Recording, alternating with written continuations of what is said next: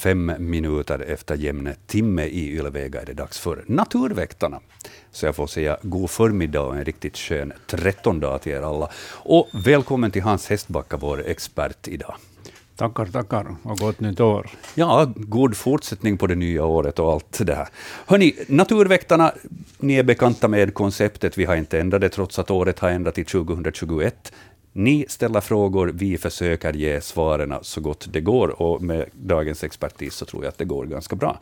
Är det så att ni vill komma i kontakt med oss här i Naturväktarna så går det utmärkt att e-posta oss på natursnabelayle.fi, så tar vi in frågorna i den takt det kommer per e-post. Det går också bra att ringa naturligtvis på telefonnumret 0600 11 12 13. Naturväktarna håller på här i Ylevega fram till klockan 12.00 och eh, jag som håller låda här är Joakim Lax. Vi tar in nyheterna klockan 11, där är ett litet avbrott då i vår sändning. Men i övrigt så har vi ungefär två timmar på oss att besvara alla era frågor om djur och natur. Och eh, det är ju en hel del frågor som kommer, trots att vintern kanske inte är den årstid som man normalt tänker på, att nu händer det mycket i naturen, men visst händer det. Och eh, Kallt har vi ju fått ganska ordentligt här i Vasatrakten i varje fall. Det är lite mildare väder nere i södra Finland, men det är ändå på minussidan i hela landet. Snötäcket däremot, så det varierar ju ganska mycket. Här i Vasatrakten, vad har vi? Fyra, fem, sex centimeter? Ja, i alla fall vitt. Härligt med den här snön som lyser upp eh, dagen och, och tillvaron. Och vi har 11 minusgrader idag. Och sen eh, har vi en klar himmel som snart ger plats för soluppgången. Mm. Det är skönt att få se solen emellanåt. Ja, visst är det. Och det, det märks på det viset att vi går mot ljusare tider. Jo. jo, vi har ju nu en tio dygn åtminstone då dagen har blivit lite längre och ljusare i slutet av månaden får man ställa sig i ett västerfönster och konstatera att ja, det lutar mot vår. Ja, ja, ja. småningom är vi där, småningom ja. är vi där. Men det är vinter fortfarande, och nu när vi har en sån här eh, Alltså, på vissa håll så talas det om att vi har en extrem kyla och det, det är jättekallt, men det här är ju normal vintertemperatur. Det här är normalt väder, normalt mm. vinterväder, ja. ja.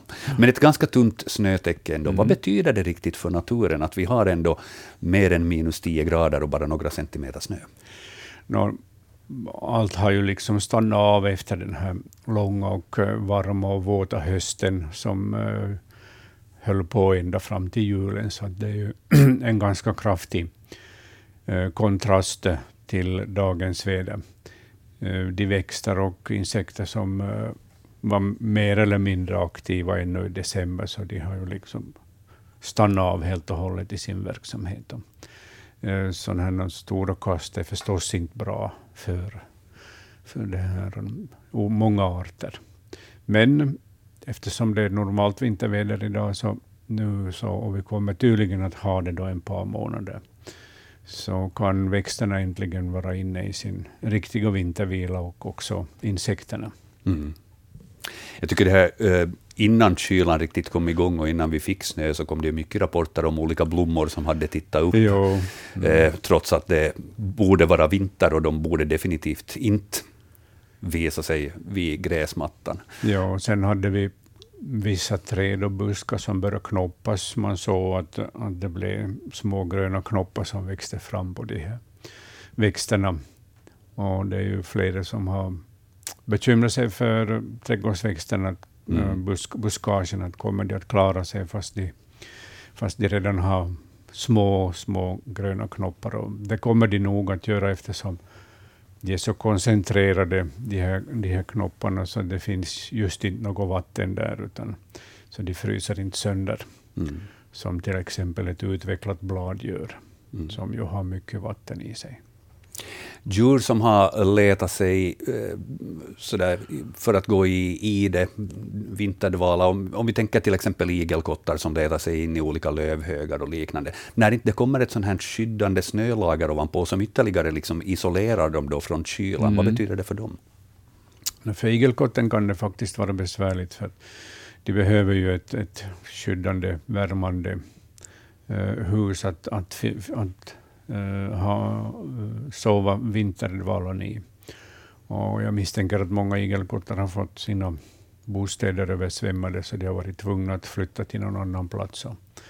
Uh, de som nu har ordentligt torrt, det är viktigt att det är torrt förstås, uh, och uh, någorlunda varmt så de klarar sig, men de som har då hittat en tillfällig och dålig bostad, så de dör nog bort mm i, redan i minus 10 grader, för att snötäcket är så tunt ännu, så det, det isolerar inte. Det är ju annars ett bra, en bra isolering, det här snön. Redan 10 centimeter så stänger ju ut den här, den här värsta kylan. Ja. Och mycket liv finns det ju under snölagret under vintern också, som inte man kanske kommer att tänka på. Det kommer vi att komma tillbaka ja. till lite senare mm. under sändningen i några av de frågorna som vi har fått in. Uh, och uh, fågelmatning, det är ju alltid aktuellt på vintern. Det kommer vi också att återkomma till här uh, i de frågorna som har kommit så här långt. Um, E-posten som sagt natursnabelayle.fi. Det går bra att skicka in frågor dit. Och så går det bra att ringa också på 0611 12 13. Vi har faktiskt en telefonlinje som blinkar redan ja. nu, så vi kan ju passa på att ta dagens första samtal, så vi får säga god förmiddag. Vem är det som hör av sig? God förmiddag. Det här är Babs Wikberg från Hang. Hej. Hejsan. Jag hade en sån här rolig upplevelse här den 9 september så vaknade jag på morgonen av att det var ett förfärligt oljud på viken utanför vårt hus. Och då såg det ut precis som, som det var två svanar som den ena försökte betäcka den andra och det pågick ganska länge. Det var ett förfärligt oväsen, det flaxades med vingar och, och sen eh, tog det en liten stund och så kommer det precis som det skulle ha kommit en, en ensam svane till undsättning. Så helt plötsligt var det ett ris och det var ett, det var ett verkligt skådespel. Och så någon sekund senare så kommer det en annan svan från, från andra sidan. Också såg det ut som den skulle ha kommit till undsättning. Och där höll de på de där fyra svanorna säkert flera minuter innan sen allt lugnade ner sig. Men det som jag liksom är förvånad över så det är att det är 9 september. Hur, hur, hur är det möjligt? Ja, jag tror att det här var ett regelrätt slagsmål och inte en parning. Aha, okay uh, revirhävdande. Inte såg de om det var knölsvan eller sångsvan? Ja, det var nog knölsvan. Knölsvanar, ja. De, de har eh, fortsatt att hävda sina revir. Uh, man kan säga till årets slut.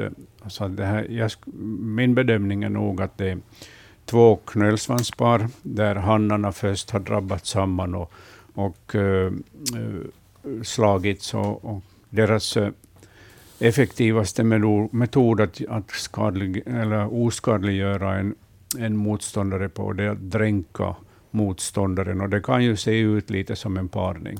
Ja, det, det, jag trodde också att det skulle drunkna den, ja. den som låg underst sen och det var, det var nog faktiskt ett förfärligt oljud. Jag ja. har bott många år där men jag har nog aldrig sett något liknande förut. Ja. Det såg faktiskt hojsigt ut det och det var ett förfärligt liv. Ja. Ja, nej, det, jag tror nog att det är revirslagsmål och det är honorna som har kommit sen till, till hannarnas uh, undsättning. Ibland kan de delta i det här. Eh, möjligtvis kan det vara några andra hannar som försöker blanda sig i slagsmålet. Men... Okej. Okay. Jag har aldrig sett det förut och det var, det var mycket dramatiskt. Så det, ja. Jag har faktiskt funderat över att vad var det egentligen jag såg sådär. Och det ja. var, pågick så länge att, att jag, jag tänkte nog att det blir nog någon nöd efter det där. Men de nog klarar sig alla nog. Ja, ja det, det, det, den som, de, de kämpar ju inte lika intensivt som till exempel på våren och i juni månad. Men, men äh, så att det sällan det leder till döden så här sent på året så att säga. Eh, utanför häckningstiden. Men, men de är nog tuffa när de slåss, de här svanarna, både knölsvanar och sångsvanar.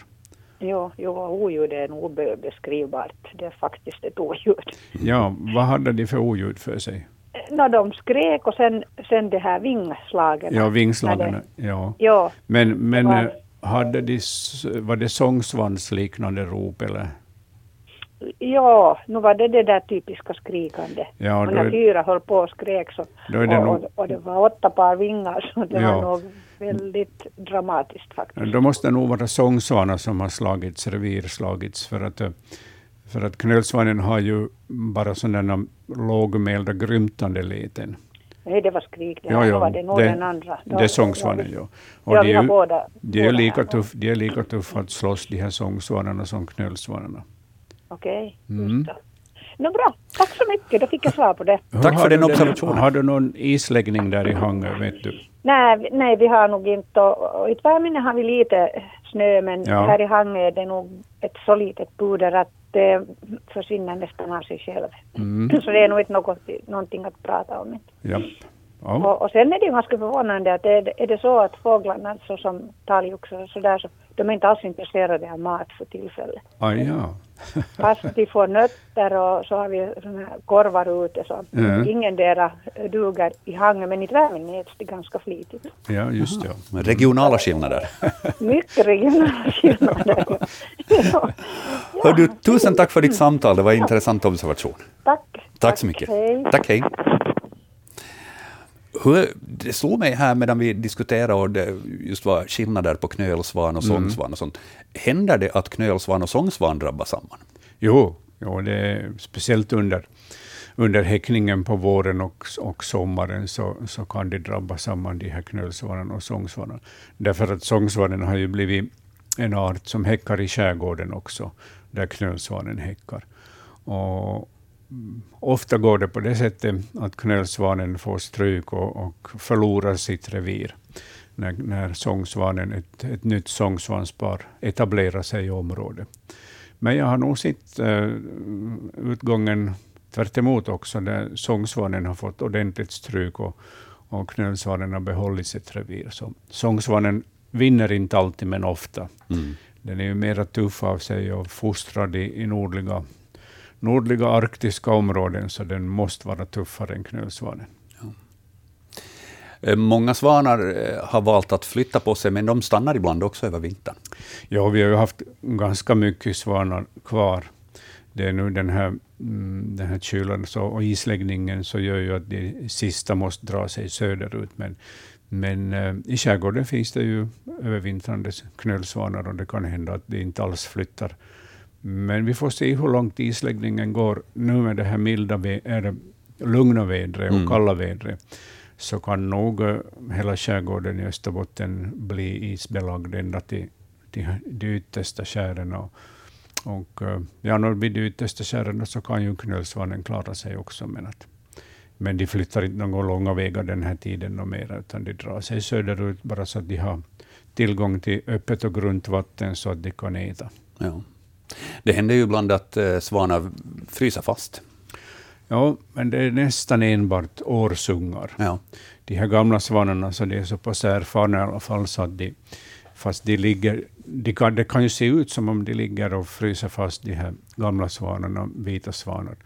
Eh, De kan ligga en vecka på en iskant och, och vara helt orörda. De sparar helt enkelt energi och se vartåt vädret svänger. Och, och, och de brukar inte vara fastfrusna, utan de bara är förståndiga. Mm. Men just unga, unga årsungar, de här gråfärgade, så de har ingen erfarenhet av isen, och, och så de vet inte riktigt hur de ska göra. Och, och eh, de kan frysa fast i isen faktiskt. Ja. Så oftast är det fråga om unga svanar man räddar, om man räddar dem, eller sen blir det då örnmat och revmat när de har frusit fast och, och dött. Mm.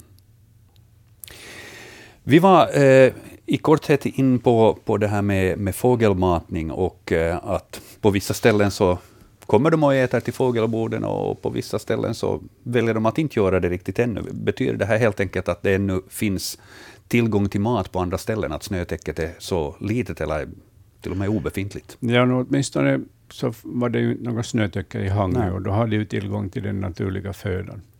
Eh, Men sen är ju också eh, fågelmatningen mycket allmän. Det är ju en hel industri då. Och, och då kan det finnas så pass många matningsställen så att de, de kan välja den bästa platsen och så vistas de där, de här fåglarna. Eh, men det milda vädret i södra Finland så gör ju att de kan stryka omkring i markerna nog ganska fritt ännu, medan här uppe i Österbotten där vi har minus 10, minus 15 grader, så där skockar de sig nog till matningsplatserna för att de hittar ju den här viktiga födan där. Mm. Så det är beroende av snötäcke och beroende förstås av temperaturen och, och sen också hur tätt de här matningsplatserna ligger. Ja. Vi har fått in några frågor per e-post om just fågelmatning och vilken mat de föredrar. Vi ska återkomma till det, men eh, telefonlinjerna blinkar här fortsättningsvis, så vi passar på att ta ett mm. till samtal. Vi säger god förmiddag, välkommen till Naturväktarna. Jo, hej, det är Anita från Evitskog. Hej Anita. Jag skulle ha en sån sak jag skulle fråga om det där. Jag har en sån bäck som går här nära mig, eller rinner nära mig. Och jag vet att det finns utter där. Ja. Man kan se spår emellanåt. Nu såg jag för några dagar sedan också så igen spår att den hade gått över vägen, där det är en vägtrumma, så hade den gått över vägen och slunkit ner i bäcken igen. Och det där, när, det är inte någon stor bäck inte. Närmaste sjöarna så är säkert, åt ena hållet säkert ungefär en kilometer, åt andra hållet två, tre kilometer, tre kilometer säkert. Ja, mera till och med.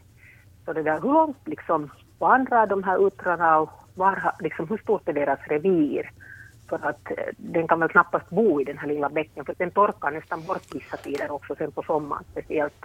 Och förstås på vintern så är det ju emellanåt också ganska lite vatten där.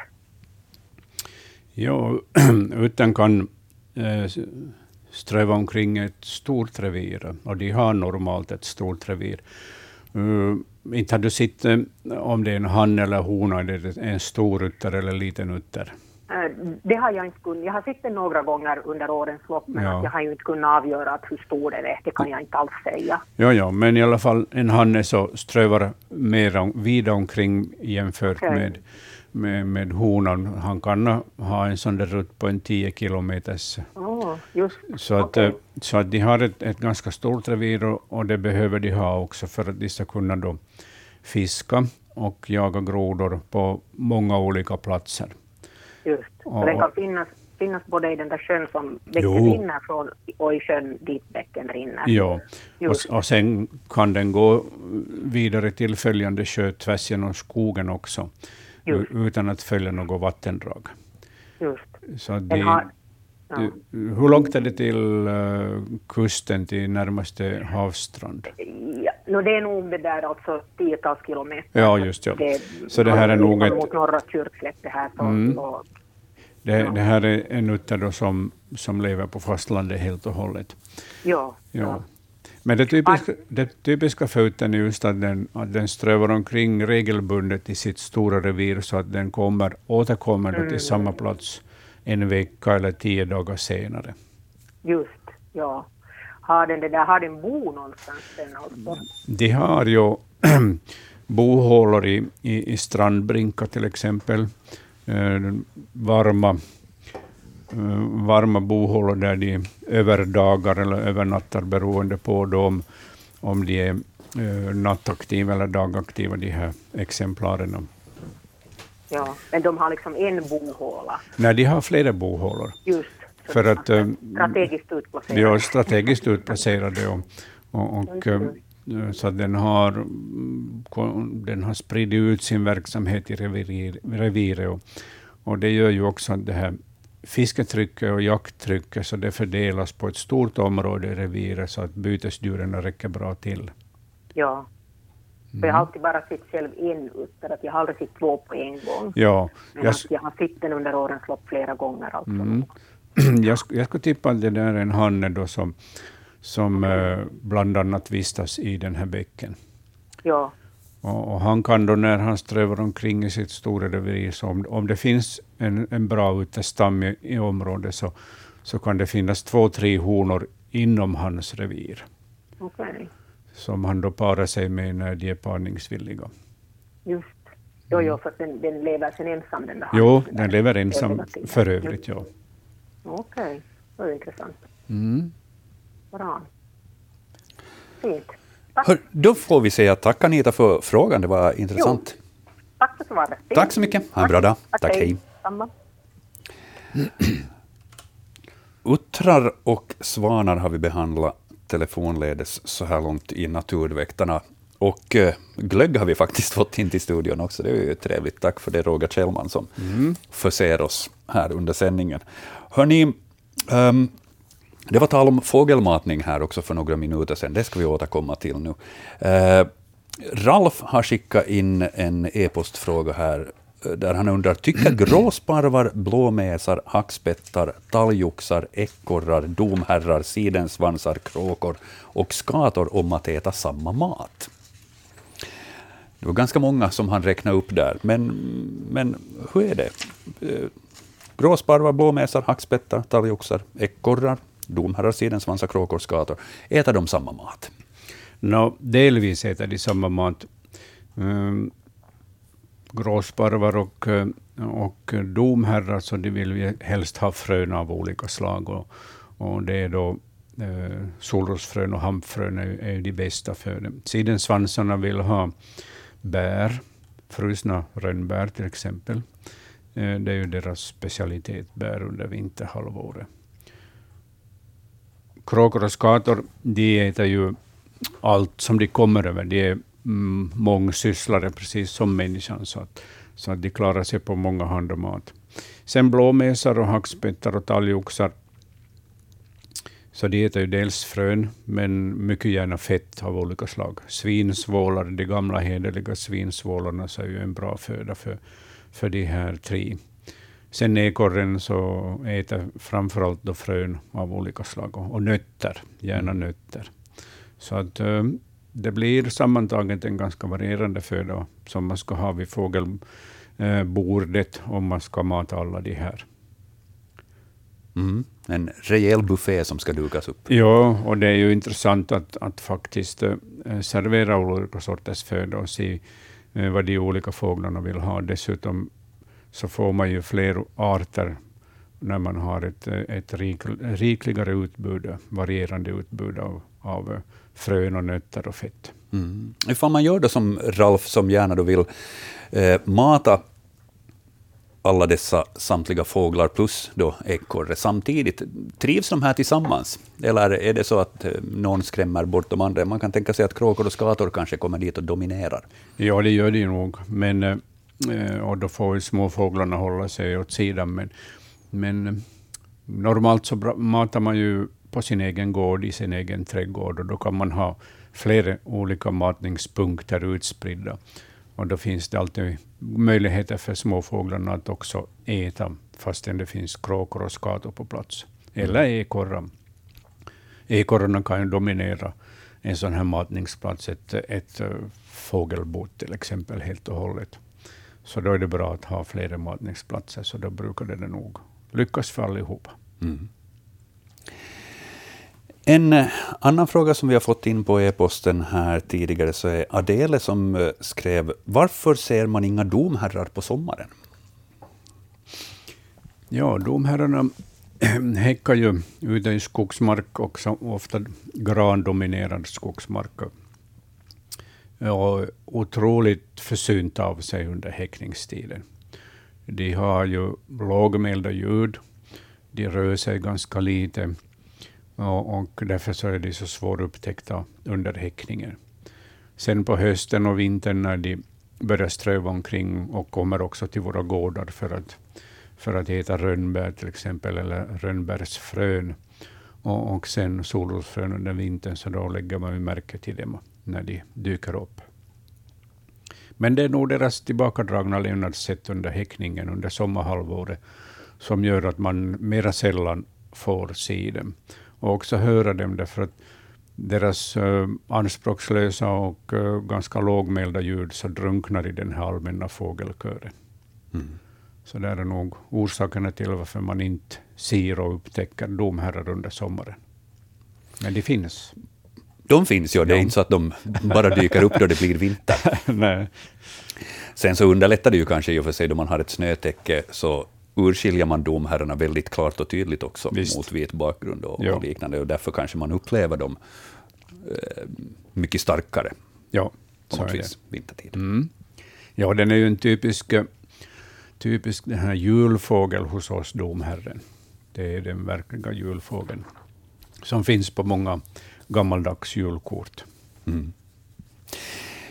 Med, på tal om fågelmatning, så eh, om man tittar till bildbloggen som ni hittar på svenska.yle.fi natur, eh, där är Naturväktarnas bildblogg eh, överst, och eh, där har vi satt in de bilderna som har kommit in per e-post före sändningen Så det är inte så hemskt många där, det är fem bilder, de ska vi behandla här under sändningen. Det kommer in fler e-post med bild under sändningen, men tyvärr hinner inte jag mata in dem i den takten de kommer. Men, men ni kan ha det här som ett litet stöd i varje fall när vi behandlar de här frågorna. Så eh, först på bildbloggen eh, så har vi en fråga av Boris som har fotograferat sin eh, fågelmatning där, fågelmatning, där han har en sån här talgkorv eh, inne i en metallbur. Det är ett ganska effektivt sätt att hålla undan vad ska vi säga, större fåglar och liknande, men att småfåglarna ändå har tillgång till den här matningen. Eh, han, Boris skriver så här. Vi har haft det som vi tror att är nötvecka cirka en månad på fågelborden med solrosfrön och talgkorv. Hur vanliga är det i våra trakter i Karleby, Pedersöre? Eh, fotografiet är taget 2 januari. Eh, och eh, på bilden ser vi en fågel som, som är vid den här stålburen där talgkorven är insluten. Och eh, först så ska vi väl då kolla med Hans, är det här en nötvecka? Ja, det här är en nötvecka. Den är stor som en uh, talgoxe ungefär. Och sen är den stålgrå på ryggen och vit på buken. Och sen har den det här svarta rövarbandet genom ögonen. Eh, en otroligt eh, temperamentsfull och eh, snabb småfågel som man kan få vintertid till matningsplatsen. Den brukar komma flygande som en liten kanonkula genom luften och, och skrämma undan de talgoxar och, och grönfinkar som finns på platsen. Den här är ovanlig, mycket ovanlig i i Kalebytrakten i Finland överhuvudtaget. Det finns eh, häckande, ja, vad kan det finnas, ett, eh, mellan 10 och 30 par i Finland under normala år. Så den hör till vår mest eh, ovanliga häckfågel, den här nötveckan. Och normalt är det eh, sibiriska, eller östliga, den östliga rasen som vi får till oss i Sverige till exempel, den nötveckan är allmän i södra och mellersta Sverige, så, så häckar den europeiska eller, eller västra rasen. Och vi får ibland mm, invasioner österifrån av nötvecka, när fröskörden slår fel i de ryska skogarna, så då kommer nötveckor till oss. Och, och då kan det finnas mycket nötveckor i landet, men att under normala år så har vi ett ganska lite ganska få nötveckor. Så det här är en, en eh, av de ovanligaste fågel vintergästerna man kan ha vid sin fågelmatningsplats hemma på gården. Mm. Vi ska lyssna på nötveckan fram och tillbaka.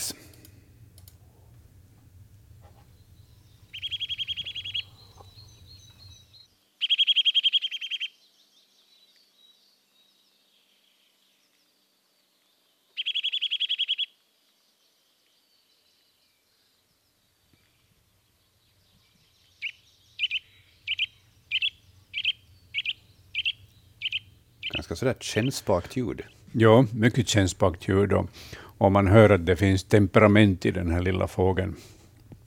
Den har äh, stora röstresurser och, och äh, som då speglar dens temperament. Och, och det här, man hör den bra när den, när den ropar. Eh, det här är för övrigt en fågel som kan springa neråt också, alltså med huvudet neråt, så den är mycket kvick och skicklig att röra sig i alla riktningar. Och det är på det viset ovanligt att man springer med huvudet neråt jo, längs ett. Så det, det, kan också vara ett kännetecken. Ja, visst. Mm. Ja. Och man blir osäker att är det en nötvecka. Men mm. ifall den gör en sån tur längs trädstammen så då ja. kan man vara säker på det. Ja, det här Boris foto visar ju också hur pass snöigt det är i Kallbytrakten ja. den 2 januari för några dagar sedan. Ja. Så det, det har kommit en del snö i, i den trakten bland annat. Mm. Men vi kan säga åt Boris, ja, det är en nötvecka och, eh, mm. och en, inte den vanligaste. Och en ovanlig gäst vid, vid fågelbordet. Ja. Uh, telefonen uh, ringer. Vi passar på att ta ett samtal. Vi får säga god förmiddag och välkommen till Naturväktarna. Ja, god förmiddag och hälsningar från Borgå Vesse. Trevligt. Det är Tusse som ringer och jag tänker göra mig riktigt löjlig. Nå men, kör igång. för en par veckor sedan såg jag en fågel flyga och jag fick det inte till någonting annat än en häger. Ja. Kan man se en häger flyga den här tiden på året? Ja, det, speciellt i södra Finland så, så har hägrarna börjat övervintra. Och eh, eftersom du såg den för två veckor sedan så var det ju milt väder i, i, i, i Borgotrakten. Ja. Ja, det var det. Ja, hägern är en ganska tuff fågel när det gäller övervintringen. Och, och de här milda vintrarna som vi nu har haft många på 2000-talet så har gjort att, eh, att en hel del hägrar så övervintrar i södra Finland. Och de har tillgång till öppet vatten och sen till småfisk som de plockar då i strandvattnen. Så, Ja, så att du har sitt alldeles rätt och det är helt okej. bra. Ja. Så, så, tror jag, så tror jag att jag såg en sparvhök. ja. Mm. Men det, det liknar inte riktigt beskrivningen i min fågelbok. Den, det var som en... Den var färgad ungefär som en duva. ja. Men, men det var, den var smär, smärtare än en duva. Och, och näbben var ju inte en duvnäbb. Ja. Men den satt på taket på vår mat, fågelmatställning. Mm. Mm. Spana efter byte. Jo, Ja. jag såg den eh, följande dag så är den i, i, i skogen. Men det var, det var lite skymt på kvällen och det var så kort stund som jag såg den. Men, Men- honan, honan går ju i grått. Ja, Så med att- sån här lite röd eh, lila bröst. Aha, men, Ungefär men, som, som duvans bröst. ja, men jag. då är det hannen. Hannen ja har, just. ja, hannen har rött bröst. Såg du några Ja. andra kännetecken? Mm, Nej, no, det var så skymt på kvällen. så Ja. att, eh, Men Men jag, jag har inte sett dem här förut. inte, Men, ja, det är nog hanne, sparrhöghanne som du har sett. Den, den har sådär rost, rostrött bröst. Och, Ja. och uh, visserligen två, för två veckor sedan eh, där nere i, i Borgotrakten snöfritt, så det är ju nästan mörkt hela dagen om det, om det är mulet. Så att uh, de är ju i farten från, från gryning till skymning, de här sparvhökarna, några timmar Ja, per dag. ja. Nå, så har vi haft eh, en stor flock svanar ned här. Vi har på åkern som Ja. man inte kunde skörda potatisen utan de blev bara in, vad Jaha. heter det, när man vänder landet Ja, ja. och, och lämnar allt där. Ja. Det här var en 70, ett 70-tal svanar. Mm. Men nu för, eh, ännu för en knapp vecka sedan så var där 40 ungefär kvar. Ja. Nu kom det ju snö så det, det, nu, nu har de försvunnit. Ja, de har säkert flyttat ut till, till kusten, skärgården eller sen. jo, det är inte så långt ner där, Ja. men knappt kilo, ja, det är inte en kilometer heller ner till öppet vatten. Men jag tänkte fråga, att äter svanar potatis? Jo, mycket gärna. Aha. Ja, potatis är ju mycket stärkelserik föda, alltså energirik föda. Jo, jag vet att tranar, tranorna äter ju. Ja. Och, och, Men vi, vi, vi har funderat här att, att det är det som de ja. söker efter. ja, det är ju rena rama smörgåsbordet som de har hittat när de har hittat en uppplöjd potatisåker med potatisen kvar. Jo, Och, och eh, den här potatisen den fryser ju nu och kommer att vara en sockerrik gegga på våren när svanarna kommer tillbaka och de kommer att äta där på våren också. jo no, nu, nu är det faktiskt snötäckt så att Ja. vi har riktigt, riktigt fin vinter här nu. Ja, det är trevligt. Nå, dessutom så har vi fått in stora myror. Aha, Och det är lite tidigt. Vi brukar nog ha lite sockermyror in på, på våren men, men nu har vi haft de här stora som är röda på mitten.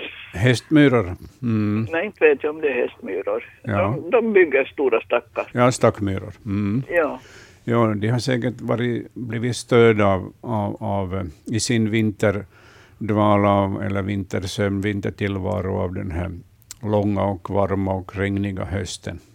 ja, Och, och då har de ändrat lite beteende. ja. Mm. No, de brukar inte komma in, det är de där små som brukar komma in. De brukar in. inte komma in. Nej. nej. Är det no. riktigt rikliga mängder eller? Nej, en par, tre per dag. Ja, det är ingen farlig invasion ännu. Nej. nej. Det är bra. No, men kiva, jag fick svar på mycket frågor. Hörru, ja. tack Tusse för dina frågor då, och uh, ha en riktigt skön fortsatt januari där i Borgå. Jo, tack detsamma ditåt. Tack, hej då. Ja, tack, hej. hej. Ja, det var stor variation i frågorna. Tack ja, många för... intressanta observationer. Ja. Heger nämnde Tusse där i början och eh, mm. vi har fått in en fråga som tangerade. Eh, ja. Rolf hörde av sig per e-post och skrev, är det möjligt att egretthägern kan finnas i södra Sverige, Halland? Ja, det är helt möjligt. Den egretthägern så har ju börjat häcka i Sverige. Uh, var det 19, 2012 som man observerade den första säkra häckningen, om jag minns rätt. Uh, och sen dess så har, har då börjat häcka på lite fler platser. Och framförallt så har man ganska mycket uh, översomrande äggrätthägrar i Sverige. Ungfåglar som kommer och, och stakar ut revir, kommande revir åt sig. Så det är helt möjligt. Och, och uh, mm, man brukar rapportera 10-20 egretthägrar, kanske mera, i södra Sverige varje sommar. Så att ja. det har blivit en allt allmännare syn. Också hos oss. Vi hade ju första häckande egretthägern för eller två år sedan i södra Finland. Och, uh, har vi nu ett eller två häckande par. Och de här översomrande som kommer då och vistas här, så de har också blivit lite fler. Så egretthägern är på kommande och den är ju ett otroligt vackert inslag i, i, i, det här, i vår fågelfauna. Verkligen. Vi brukar ju få in frågor om egretthägern. Ja, och till och med några foton har vi fått ibland. Det har vi. Mm, minns rätt hade vi ett foto med två egretthägrar i Kristinestad förra sommaren. Stämmer. Ja. Stämmer. Ja. Ja, så det är fullt möjligt att den finns i södra Sverige, Halland. Det kan vi svara åt Rolf där. Ja. Natursnabelayle.fi, det är alltså e-postadressen ifall det är så att man vill skicka en fråga till Naturväktarna. Och det har kommit in några frågor här under sändningen. Vi kommer att titta ja. till dem här också. Eh, bara jag hinner visa bilderna åt Hans så att han får bekanta sig med dem lite. Um, och uh, är det så att man vill skicka uh, frågor per brev, vykort eller till och med skicka paket till oss på Naturväktarna, så går det ju naturligtvis bra det också. Då är adressen Naturväktarna, Ylevega, postbox 12 00024 Yle. Men nu under vinterhalvåret så sänder vi ju då alltid första onsdagen i månaden, så det betyder att ifall man skickar ett paket eller ett brev med något innehåll, ifall man har fångat något litet kryp eller man har hittat mm, en djurdel eller varför inte ett djur, säg så då kan man räkna med att det tar en månad innan vi besvarar den frågan. Nästa sändning har vi alltså i början av februari. 0611 12 13 det är också då telefonnumret hit till studion ifall man vill ringa in med en fråga. Vi kommer att ta mera telefonsamtal alldeles snart. Vi ska titta till bildbloggen däremot, fram och tillbaka nu. Bildbloggen som ni alltså hittar på svenska.yle.fi natur. Um, där är följande bild i bildbloggen, bild nummer två, så är tagna från ett videoklipp som Ann-Charlotte skicka in hit till oss. Och därifrån har jag saxat ut tre stycken bilder. Eh, och eh, mm, jag visade det här videoklippet också åt Hans här innan sändningen, så att vi har hunnit bekanta oss med det. Ann-Charlotte skriver så här. Hej! Under hjortjakten upptäckte jag massvis med små flugliknande larver på snön. Djuren var 2-3 millimeter långa och väldigt rörliga, så som de saknat ryggrad. Jag undrar om det kan vara älgflugslarver eftersom de fanns på en plats där det rör sig mycket älgar och hjortdjur. Tack på förhand, skriver Ann-Charlotte. Och nu Hans, när du har tittat på videoklippet och du har tittat på de här bilderna, vad är det för småkryp? Ja, det här är inte älgflugor, men det är en mycket intressant eh, insektgrupp och det är hoppkärtar som är aktiva under vintern. De har sin största aktivitet under vintern och, och eh, eh man ser på det här videoklippet att en del faktiskt hoppar genom, genom den här bildrutan. Uh, mycket trevligt uh, filmat. Uh, när man tittar närmare på dem så ser man att de har två spröten i framkroppen och sen har de förstås också en hoppgaffel men den är infälld under buken och med, det med hjälp av den här hoppgaffeln som de kan slunga iväg sig långa vägar. De här. Som en liten katapult? Som en katapult, ja. Mm. Ja, och det är typiskt att de brukar ibland söka sig upp så här på snön och, och i stort antal, och här är det ju faktiskt flera hundra allt som allt som är i, i farten. Och det här är vuxna individer som uh, då är aktiva under vintern. Och, de undviker många fiender på det här sättet. Och, och sen när de vill uh, vara i fred och vila så kryper de ner i snön bara till, till det här fönan där de gömmer sig. Så hoppskärtar är det rätta svaret. Mm. Det finns mycket liv och rörelse med andra ord under vintern, under snölagret. Jo, ja, det finns ganska många, många det här organismer som är i farten och, och, och de här hoppskärtarna är då ett, en av de här som är mycket aktiva. Och visst blir man häpen när man, när man ser eh, snön alldeles fläckig av, av sådana här små kryp som sen flyger iväg åt olika håll. Ja. Eh, Ann-Charlotte undrar ju alltså om det var älgflugslarver. Var det en långsökt eh, fråga? Nej, i och för sig inte, därför att äh, älgflugorna så, så det här, de, de lägger full, full, fullt utgångna larver som, som eh, eller de föder fullt utgångna larver eh, som eh, då blir puppor med samma. Och de här pupporna så de brukar falla ner på snön från älgar, vitsvanshjortar, rådjur, skogsrenar, de här hjortdjuren.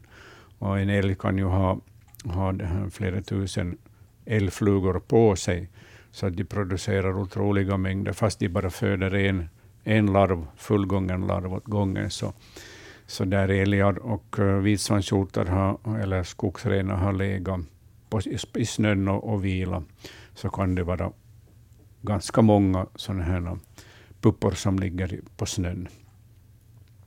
Och det, de är i ett viloläge och, och uh, blir ju översnöade förstås, och sen när snön smälter så försvinner de in i, i förnan och så kläcks de först uh, följande sommar med början i juli månad med de första. Så att uh, långsökt är det inte. Ja. Att, att det, älgflugor. Och älgflugan är ju en art som, som har ökat mycket just för att det finns så mycket hjortdjur. Uh, och, och jag har ju själv sett hur otroligt besvärligt det kan vara för skogsrenarna att ha de här älgflugorna på sig. De får ju också älgflugor på sig, precis som, som de här älgarna. Och, och de här älgflugehonorna, så de kryper ju in i pälsen och sen börjar de suga blod. Då från, från värddjuret. De tappar vingarna och sen har de ju par, parar de sig med, med hannan och sen börjar de producera, producerar de här larverna. Och en del skogsrenar så, ja, nästan alla, så, ja, inte alla, men en stor del av den så under brunsten på hösten så ser man att de kliar sig med, med klövarna och med hornen. Och, och småningom blir det sådana bara fläckar på dem som ju inte är bra förstås med tanke på värmeisoleringen. Och nu går de omkring i markerna då och fäller de här larverna eh, här och där. Och, och där älgen har sitt vinterstånd, där det samlas flera, flera älgar på, på uh, ett och samma ställe, så där kan det vara otroligt mycket älgflugor sen på sommaren. Mm. Eftersom de har fällt mycket, mycket det här älgflugepuppor under uh, en månad, kanske två månader. Älgflugor kan jag ju säga personligen att jag mm, inte har mycket till övers för. Jag, jag tycker de är ganska obehagliga när man rör sig ute i skogen. Men, men hoppstjärtarna då som, som Ann-Charlotte hade mm. filmat här, eh, det, det, är ingenting som, som vi desto mer märker av när vi rör oss. Nej, och de, de hoppar ju inte på oss och framförallt så suger de ju inte blod av oss. De här äter ju, äter ju andra småkryp och uh, växtdelar, svampdelar och sånt där. Så det, det, det, låter oss vara helt i fred, medan duellflugan faktiskt kan suga blod på människan och uh, ge upphov till svåra allergiska utslag. Så att mm. Den har nog blivit besvärlig också på det sättet. Ja, de är knepiga att få bort ur hårbotten. Inte bara irriterande, utan ja. för en del personer mycket besvärliga. Ja. Men hoppskärt var det mm. alltså som Ann-Charlotte hade filmat och skickat in till oss. Tack för det videoklippet. Natursnabelayle.fi det är alltså e-postadressen man kan använda för att skicka in fler frågor till Naturväktarna.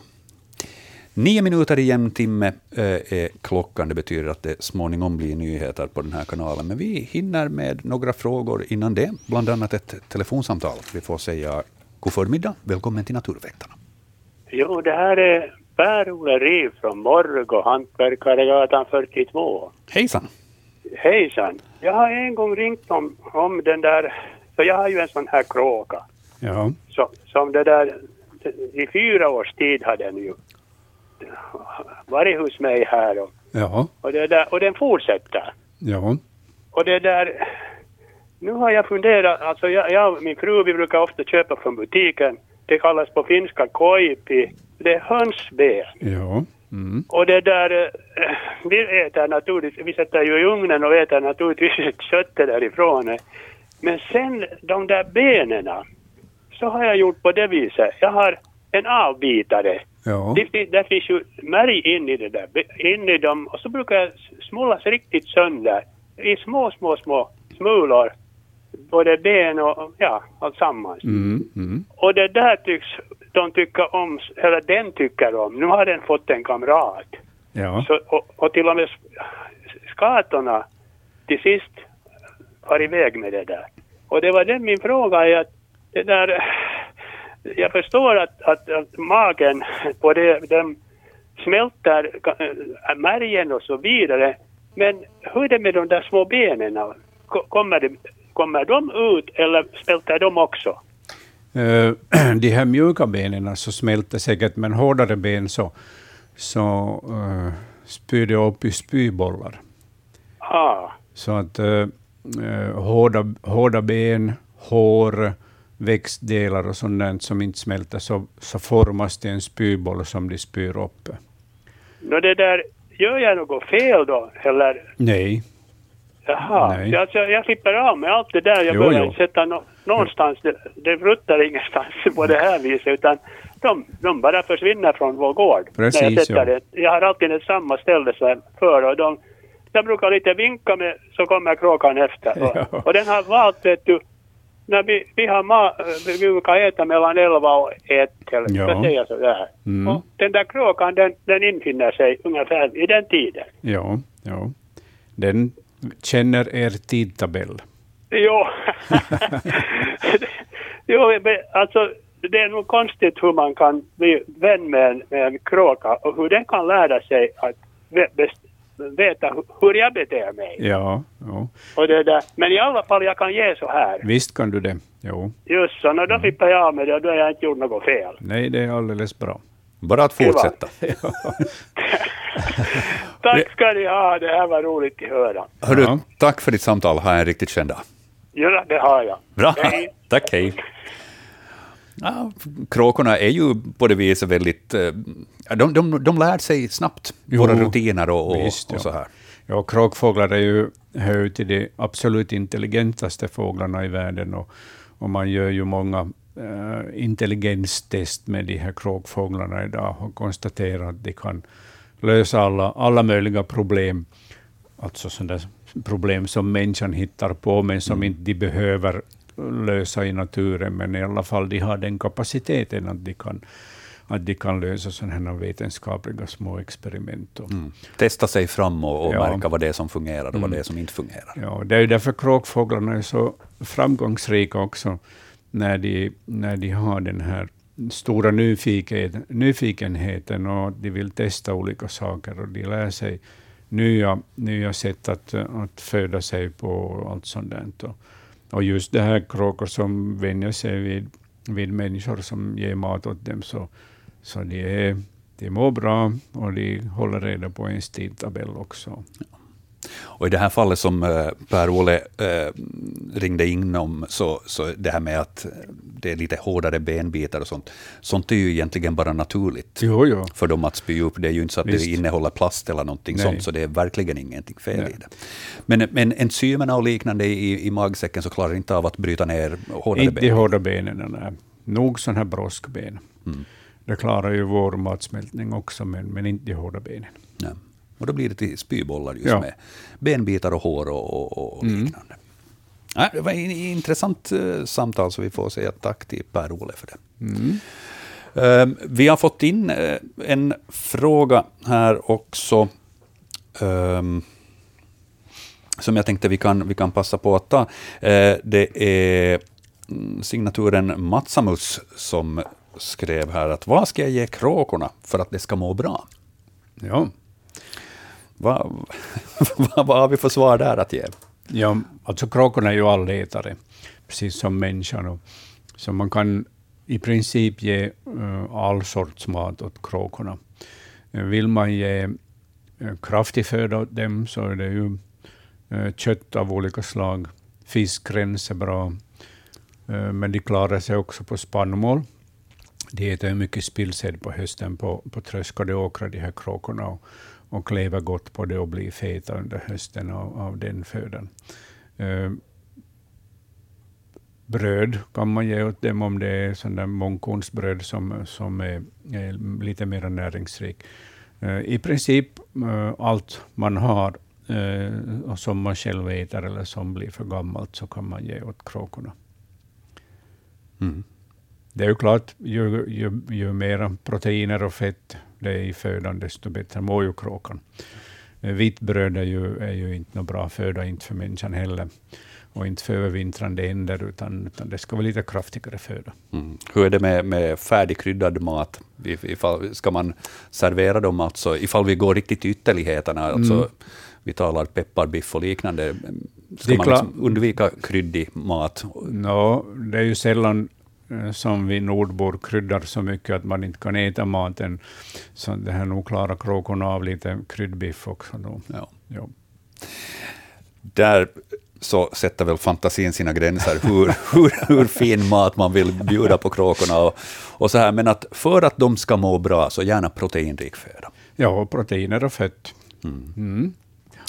Ja, bra fråga där, Mats. Så rätt intressant fråga också. Att det, det, handlar inte bara om att vad kan jag ge för att bli av med det, utan verkligen specifikt för att kråkorna ska må bra. Ja, det är många som har eh, upptäckt kråkan och eh, kråkans nyfikenhet och intelligens och, och intressanta beteende. Så jag förstår att, eh, att det finns de som månar om sina egna kråkor, eller sin egen kråka, eller sitt kråkpar, och, och gärna följer med deras liv och leverne. Mm.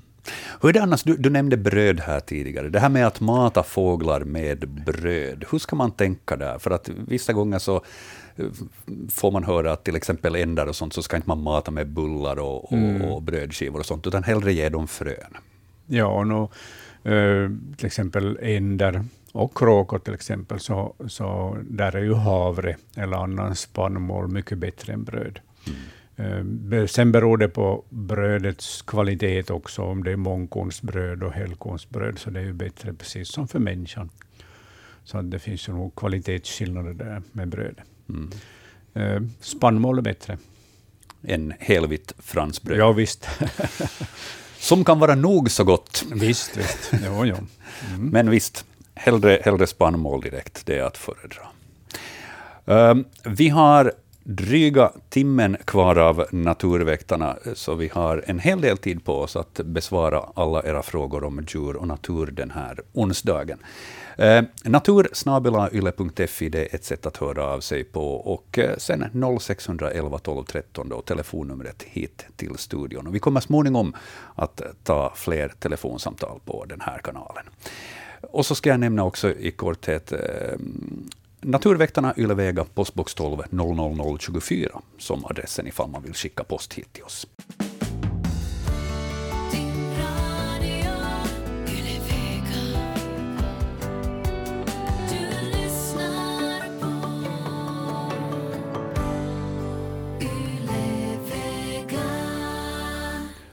Vi behandlade i bildbloggen här nyss en, en fråga om hoppskärtar.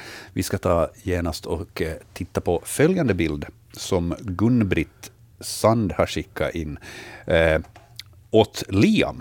Det är nämligen Liam i Kaske som undrar vad är det för fåglar som äter vid hans fågelbräde. Och eh, på bilden här på bildbloggen, bild nummer tre, så kan man se, dels så har vi ett eh, fågelbräde här nere på vänster sida och sen hänger det en talgkorv också som är väldigt välbesökt här ovanför. Um, vilka fåglar är det som du kan identifiera där, Hans? Ja, på det här fågelbordets tak så sitter två pilfinkar. Och sen vid de här talgbollarna så sitter tre pilfinkar. Och, eh, det är säkert eh, Liam som funderar just om de här fåglarna, vad det kan vara för en fågelart. Det är alltså pilfinken som liknar gråsparven ganska mycket. Eh, den är något mindre till växten, men framför allt så, så har den har den det här eh, en brun, ett brunt huvud, brun hetta. Båda könen har brun hetta och så har de eh, en svart kindfläck och vit halsringe. Så den skiljer sig nog ganska mycket från gråsparven. Och den har faktiskt ersatt gråsparven. Tidigare var ju gråsparven den vanliga sparven på våra gårdar och på landsbygden på, på, det här, på bondgårdar. Men idag så är det nog pilfinken som är den vanliga. Och på många ställen så har gråsparven helt försvunnit. Det här är då en, en relativt ny art på många orter, den här gråsparven. Och har kommit från sydost och spridit sig åtminstone till halva landet redan i, i vid det här laget. Mm.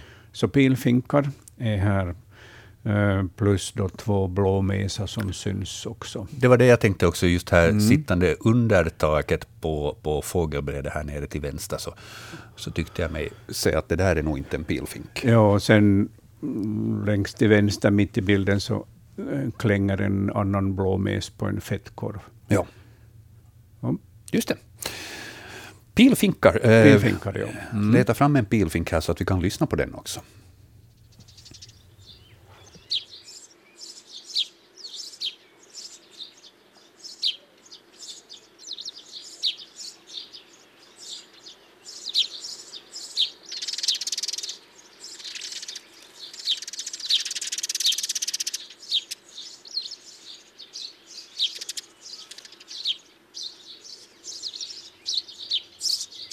Är det pilfinken som har det här lite mer tjattrande ljudet ja. där? Mm.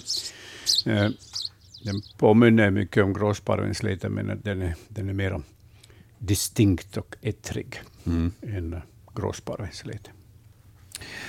Pilfink får vi säga där åt Liam och tack för den bilden. Intressant fråga. 0611 12 13 det är telefonnumret man kan ringa ifall det är så att man vill fråga en fråga här direkt eh, av Hans. Och eh, för tillfället är det ingen som ringer, men vi ska ge det några sekunder. Det brukar alltid börja blinka genast efter det. Natursnabelayle.fi var då alltså e-postadressen. Och eh, vi kan passa på att att ta en annan fråga här under tiden då från, från e-postkörden. Um, vi har en sån här som är rätt intressant. Hej, vad är er åsikt eh, om fångst av mink, mårdar, rävar och kråkor? Vi hade vid midsommaren två tjäderkullar nära vårt hem och lite längre bort tre orrkullar. Inom ett par veckor fanns det, eh, fanns det bara två tjäderungar kvar och alla orrungar var borta. Vi misstänker i främsta hand att rävarna är skyldiga. Det finns ett rävgryt en kilometer från vårt hus och ett annat på två kilometers avstånd. Stuggrannen hade beundrat söta rävungar flera somrar i rad. Det här skriver Majre, som också titulerar sig intresserad predatorjägare.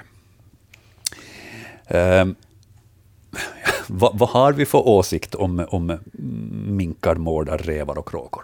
de här främmande arterna, mink och mårdhundar, så eh, dem ska man givetvis eh, fånga så mycket som möjligt och minska eh, på i naturen, därför att det betyder ju en, en, en ytterligare press på, på de andra arterna, förutom de här normala som vi har då i vår natur som rev och mård, som nämndes här, nämndes här i, i, i, i frågan. Och, och det är ju klart att både, både rev och mård så, så plockar skogshönsfåglar vid tillfälle. Det mm. ingår i deras naturliga diet.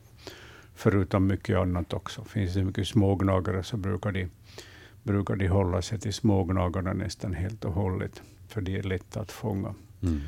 Uh, det finns ju normal jakttid för de här olika arterna. Och, och den som är intresserad av, av det här att, att fånga mindre rovdjur som de räknas till de här, så, så har ju all rätt att göra det. Ja. Men samtidigt så kan man ju tänka sig då att rävar eh, håller bort en hel del just av de här smågnagarna som du nämnde och liknande. Och, och då kan man ju fundera, att vilka föredrar man? Vill man ha smågnagare, möss, liknande sorkar mm. och sånt mm. Eh, i, på, i, närheten eller till och med in i stugan eller liknande? Eller vill man hellre ha rödräven som springer ja. omkring? No, naturen brukar ju sköta det där själv nog, så att det, ibland så finns det mycket smågnagare och då finns det eh, goda förutsättningar för att till exempel skogshönsfåglarna ska klara sina ungar på vingarna eftersom de små rovdjuren ägnar sig framförallt åt smågnagarjakt. Mm. Eh, sen så kan ju reven under vissa förhållanden reglera mårdstammen också, så att det, det finns en inbördes kamp där också. Så det är många sådana här olika skeenden som, som finns och som vävs in i varandra. Det är inte bara e-, enkelspårigt, utan det går de här påverkningarna eller förhållandena mellan de olika arterna, så det är ju en sån hel väv där olika arter påverkar varandra på olika sätt. Ja. Kråkorna nämndes här också i, i Maires fråga, och, och, som en rätt intressant kontrast till det som vi har talat om kråkorna tidigare, om mm. vad man ska mata kråkorna för att de ska må så bra som möjligt. Ja, no, kråkorna anses ju eh, som ett problem för villebrådsarter, speciellt skogshönsfåglar, eh, eftersom kråkfåglar gärna äter fågelägg. Det är ju en av deras naturliga dieter. Och, men eh, det främsta det viktigaste förstås för att skogshönsfåglarna ska trivas och klara av det här predationstrycket som ju finns i högre eller mindre grad, det är ju att, att eh, skogsnaturen är, är i sånt skick att de här skogshönsfåglarna har tillgång till gömställen, att de har tillgång till, till vatten och att de har tillgång till bär, ris med bär, blåbär och lingon och sen eh, när kycklingarna är små fuktsänkor, eh, små kärrpottar och sånt där, där det finns ett eh, bra insektliv, ett rikligt insektliv som, som de här kycklingarna lever av. De behöver mycket proteiner i början av, av sin levnad. Nu är ju inte skogsnaturen så där idealisk överlag i Finland, utan det är kalhyggen och det är monokulturer av av gran och tall och, och sen eh, tyvärr mycket utdikat så att vi har, vi har försämrat förhållandena för, för skogshönsfåglarna ganska radikalt. Mm. Ja, de, de skulle trivas med mindre energiskog och, och mera sån här klassisk urskog. Ja, ja, sen just det här vatten är oerhört viktigt för, för många djur, för alla förstås, eftersom alla behöver vatten som dricksvatten, men också, också för att det ska finnas ett rikt insektliv i, i naturen, i skogsnaturen, som föder då bland annat skogshöns, fågelkycklingar, småfåglar och, och sånt där. Så det, och, och där har vi ju människor ut, dika ut mycket våtmarker. Mm. Men man kan skapa, återskapa sådana här våtmarker och och återfå en, en, en större variation i skogsnaturen. Ja. Det är större variation, så det tror jag på något vis kanske sammanfattar eh, vårt svar på, på Maires fråga, vad är vår åsikt? Och det är väl det att variation och sen balans i naturen. Ja, ja. men som sagt, är man äh, intresserad jägare så får man ju jaga en del av de här arterna då, helt enligt normala jakttidtabeller. Ja. Och minken, som sagt, den... Mink och mårdhund så ska man ju hålla bort så, så mycket det bara går. Ja. Och man har ju konstaterat nog med, med det här fångst, effektiv, effektiverad fångst av mink och mårdhund i skärgården, att, att där man får bort framförallt minken, men också mårdhunden, så där återkommer skärgårdsfåglarna till sina forna häckningsplatser. Så där har man nog visat att det är de, de främsta bovarna, de främsta predatorerna. Det är ju första sändningen eh, för Naturväktarnas del nu år 2021. Vi lever i dagarna, veckorna efter jul och ganska ofta när man träffas så, där så brukar man diskutera att men, vad har jultomten, vad har julbocken hämtat åt dig i år? Eh, jag tänkte lyfta upp en grej som, som, som jag bland annat har fått här nu under julhelgen. Väldigt intressant bok. Ett litet boktips för er som kanske inte har läst den. Den är ett par år gammal, men eh, ny för mig. Den stora humleresan av Dave Golson. Han är eh, professor vid universitetet i, i Sussex. Och han har skrivit tidigare flera böcker om humlor och insekter, så att på det viset så är han väl bevandrad inom det här området. Eh, eh, två stycken som han skrivit tidigare så är Galen i humlor och Galen i insekter. Eh, böcker som har sålt bra, både på svenska och engelska. Eh, och eh, det här är en jättebra bok för de som har vad ska vi säga, en, en förkärlek för, för humlor, men också andra naturintresserade. För han beskriver många olika djur med lika stor passion som han beskriver humlorna. Och eh, vad kan vi berätta? Dave Golson han började samla insekter och växter redan som barn och han beskriver väldigt fint eh, i början av boken hur det här då ledde till hans yrke. Här är anekdoter från hans barndom och det är beskrivningar för hur han har forskat i humlor ute på öarna eh, utanför Skottland och han åker till djunglerna i Ecuador och liknande. Och dessutom så är det ganska mycket tal om eh, hur man märker av, av klimatförändringen och, och, och miljöpåverkan och som vi har varit inne på här tidigare i sändningen också vårt sätt att odla och ja. monokulturer i skogen och, och liknande. Um, om inte man har varit intresserad av humlor tidigare, så då blir man det i varje fall efter att ha läst den här boken. Jag är bara halvvägs, så att jag är nästan frälst. Ja, Bra tips.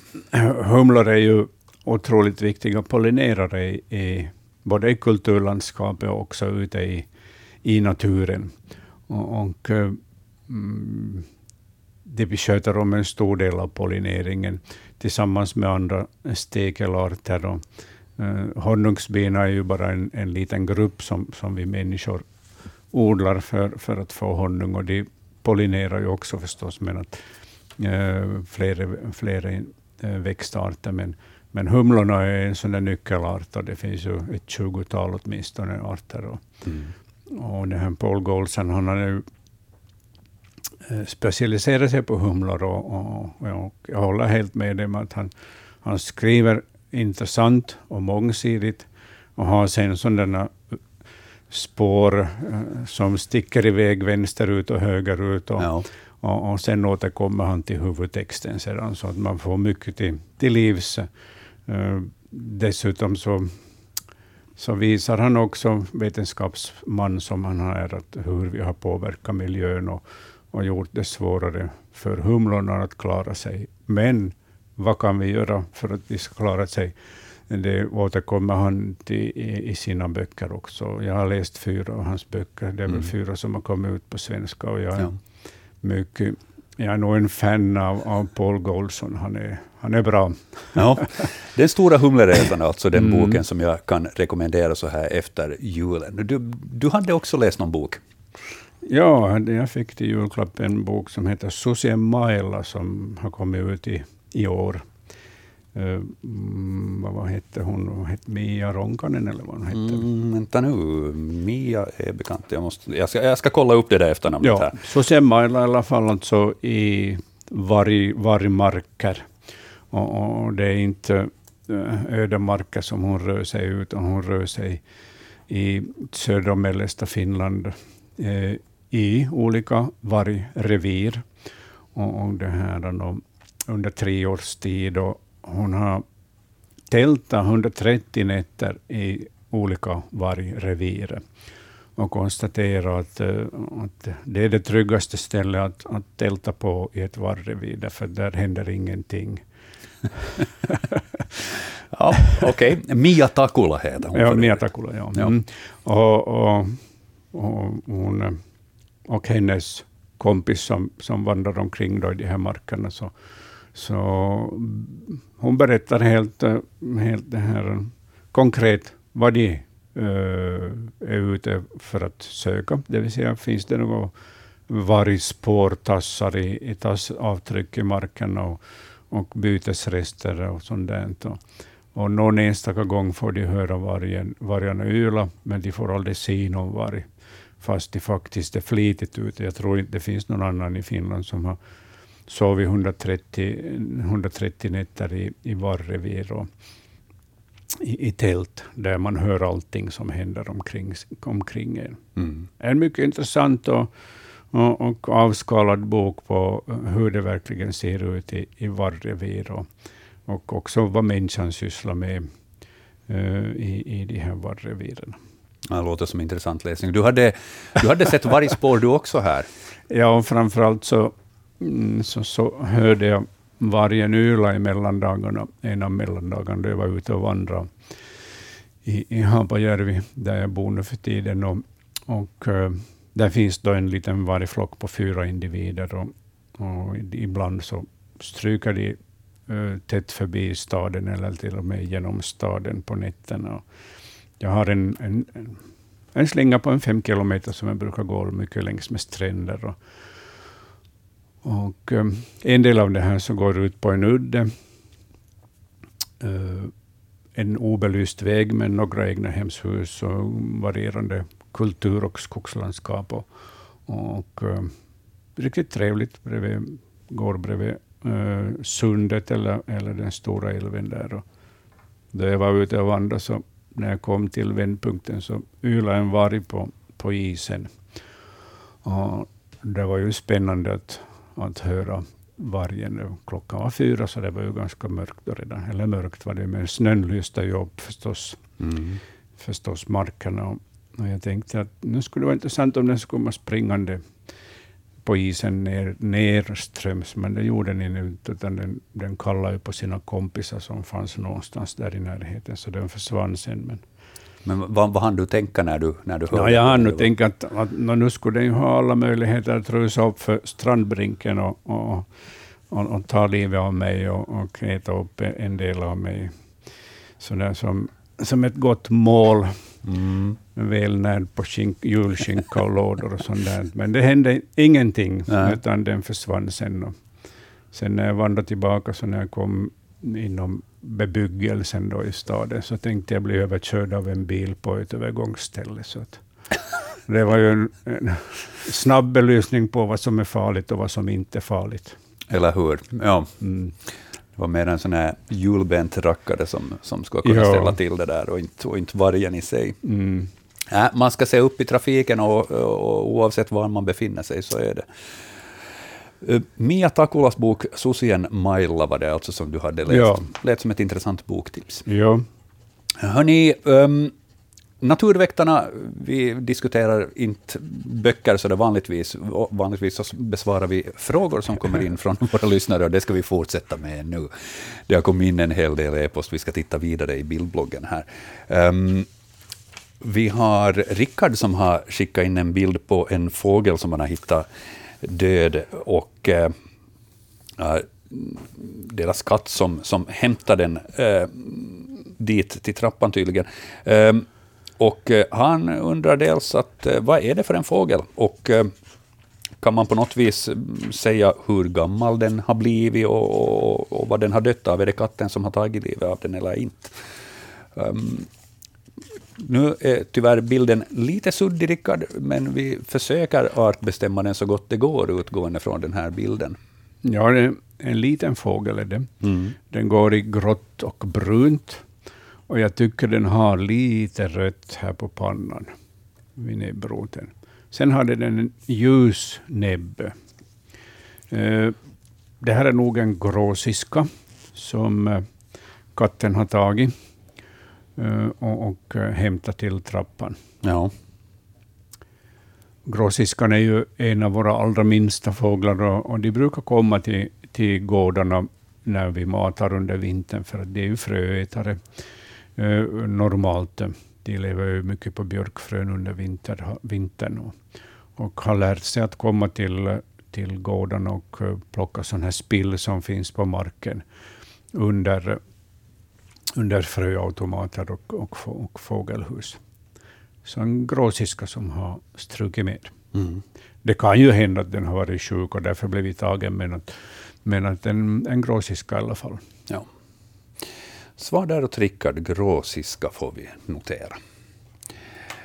Uh, följande bild på bildbloggen så är en fråga om spår i snön. Um, här är det Håkan som skriver så här.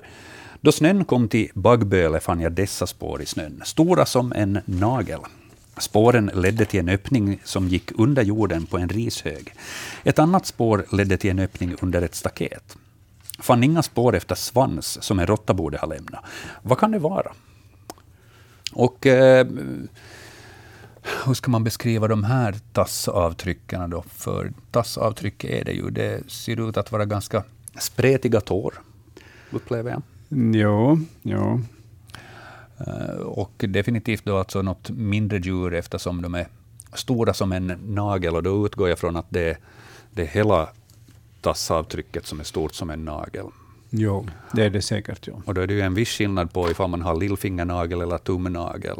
Eh, men, ja, men eh, med tanke på att det är fråga om ett litet djur så är det relativt stora mm. tassavtryck i alla fall om det är som en nagel. Ja. Mm. Vad är det för ett djur som lämnar sådana här spår? Igelkott tänkte jag säga, men, men det, det... Ja, men var det ett litet hål? Ja, det gick eh, precis. Spåren ledde till en öppning som gick under jorden på en rishög och ett annat ja. spår ledde till en öppning under ett staket. Ja, det, igelkottarna, de som har vaknat och sökt mm. sig en ny plats, de går inte av van, utan de går till ett ställe och därmed jämt. Så att igelkotten kan vi nog utesluta. Vad har vi? Vi har hermelinen, mm. uh, råtta. Mm. Mm. Uh, han skriver här att det inte var någon spår efter svans som en Nej. råtta borde lämna. Är det så att råttan alltid lämnar spår efter den svansen? Den brukar lämna nog ja. Eh, svansspår också efter sig, den här råttan. Mm. Skulle det här kunna vara en hermelin då? Det skulle kunna vara en hermelin med tanke på spårstämpelns storlek. Ja. Ja, jag skulle nästan hålla på det. Då såg vi fast det. Helt säker är jag inte, men jag skulle nästan hålla på med hermelinen.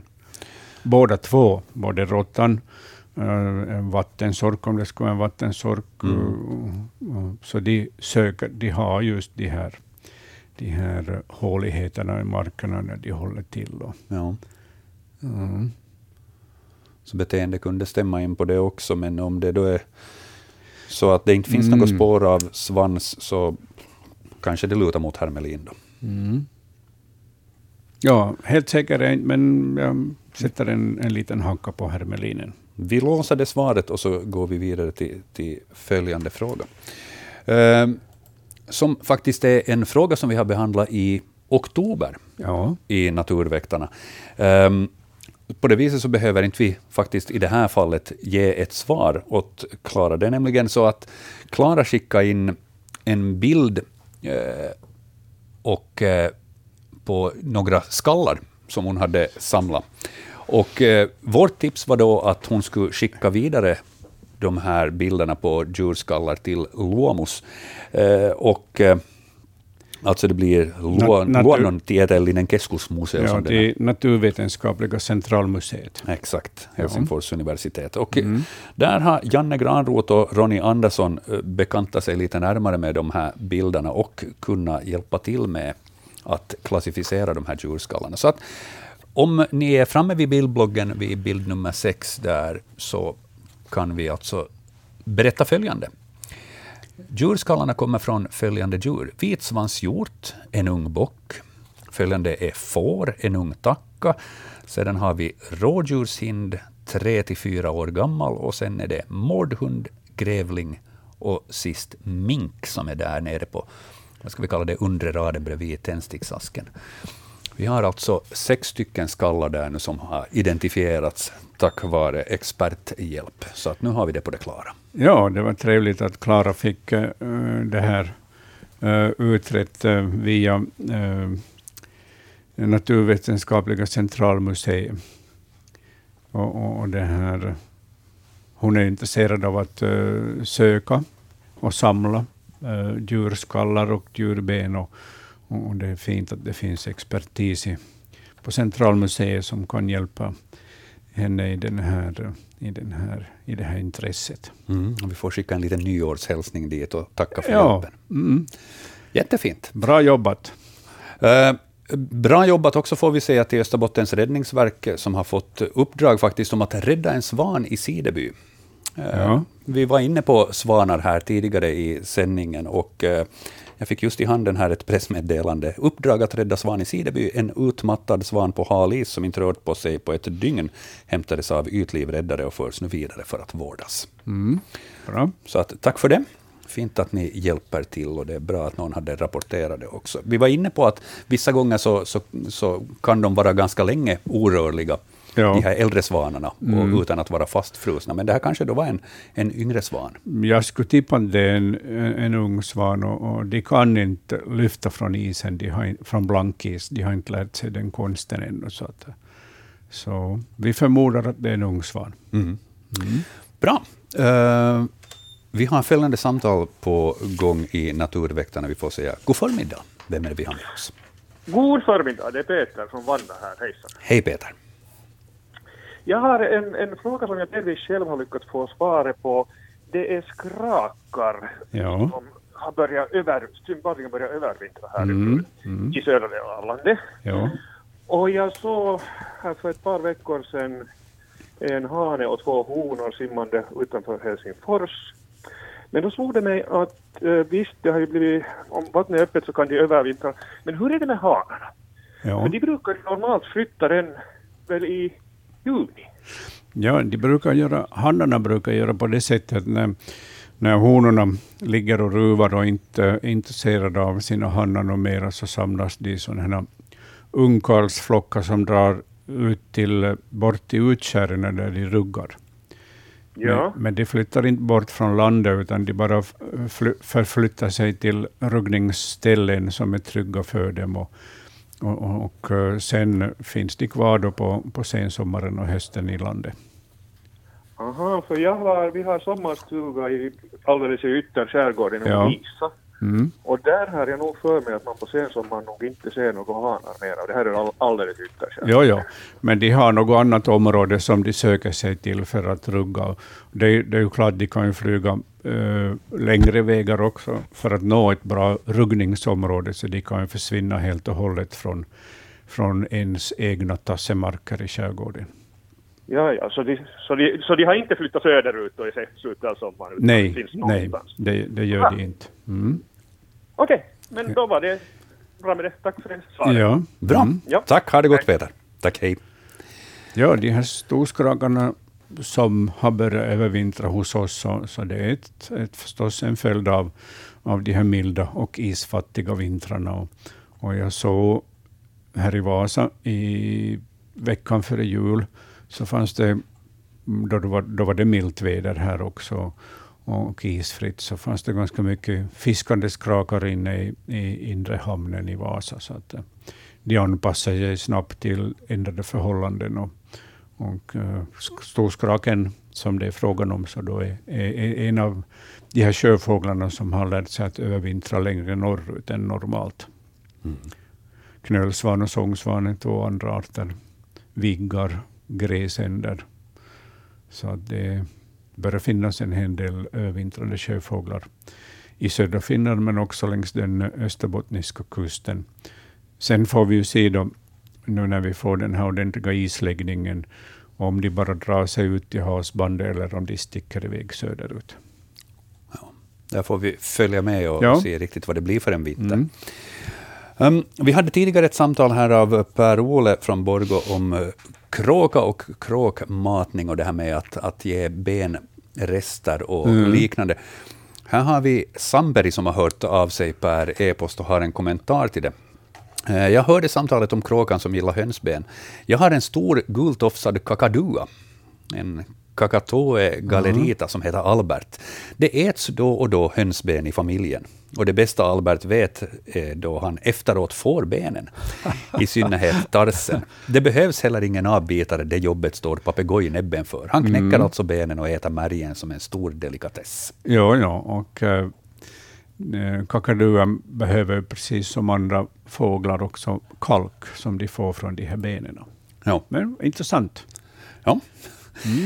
Uh, en annan kommentar till saker vi har behandlat tidigare. Mm, Margareta skriver här gällande egretthägern, så den har häckat i Borgo i Uddas nu för andra året i rad. Ja. Så mm. det är inte bara i Sverige som den finns. Nej, vi nämnde nog att den häckar i, i södra, södra Finland, ja. I ett eller två par. Mm. Siv skriver här, vi har haft besök av gråspett på vårt fågelbräde på mm. Lojoön, och jag undrar, hur vanlig är den nu för tiden? Gråspetten hör till de uh, hackspettarter uh, som har ökat.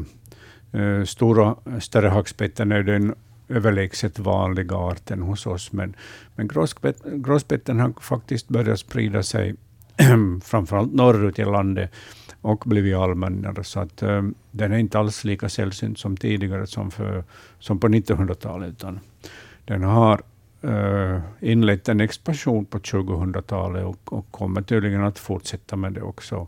Och besöker bland annat matningsplatserna på vintern för att hugga in på sådana här fettkorvar och svinsvålar. Mm. En mycket elegant uh, hackspettsart i, mossgrönt och, och mossgrått. Råkar det vara en hanne så har hon en röd fläck i nacken också. Med ett extra kännetecken. Mm, ja.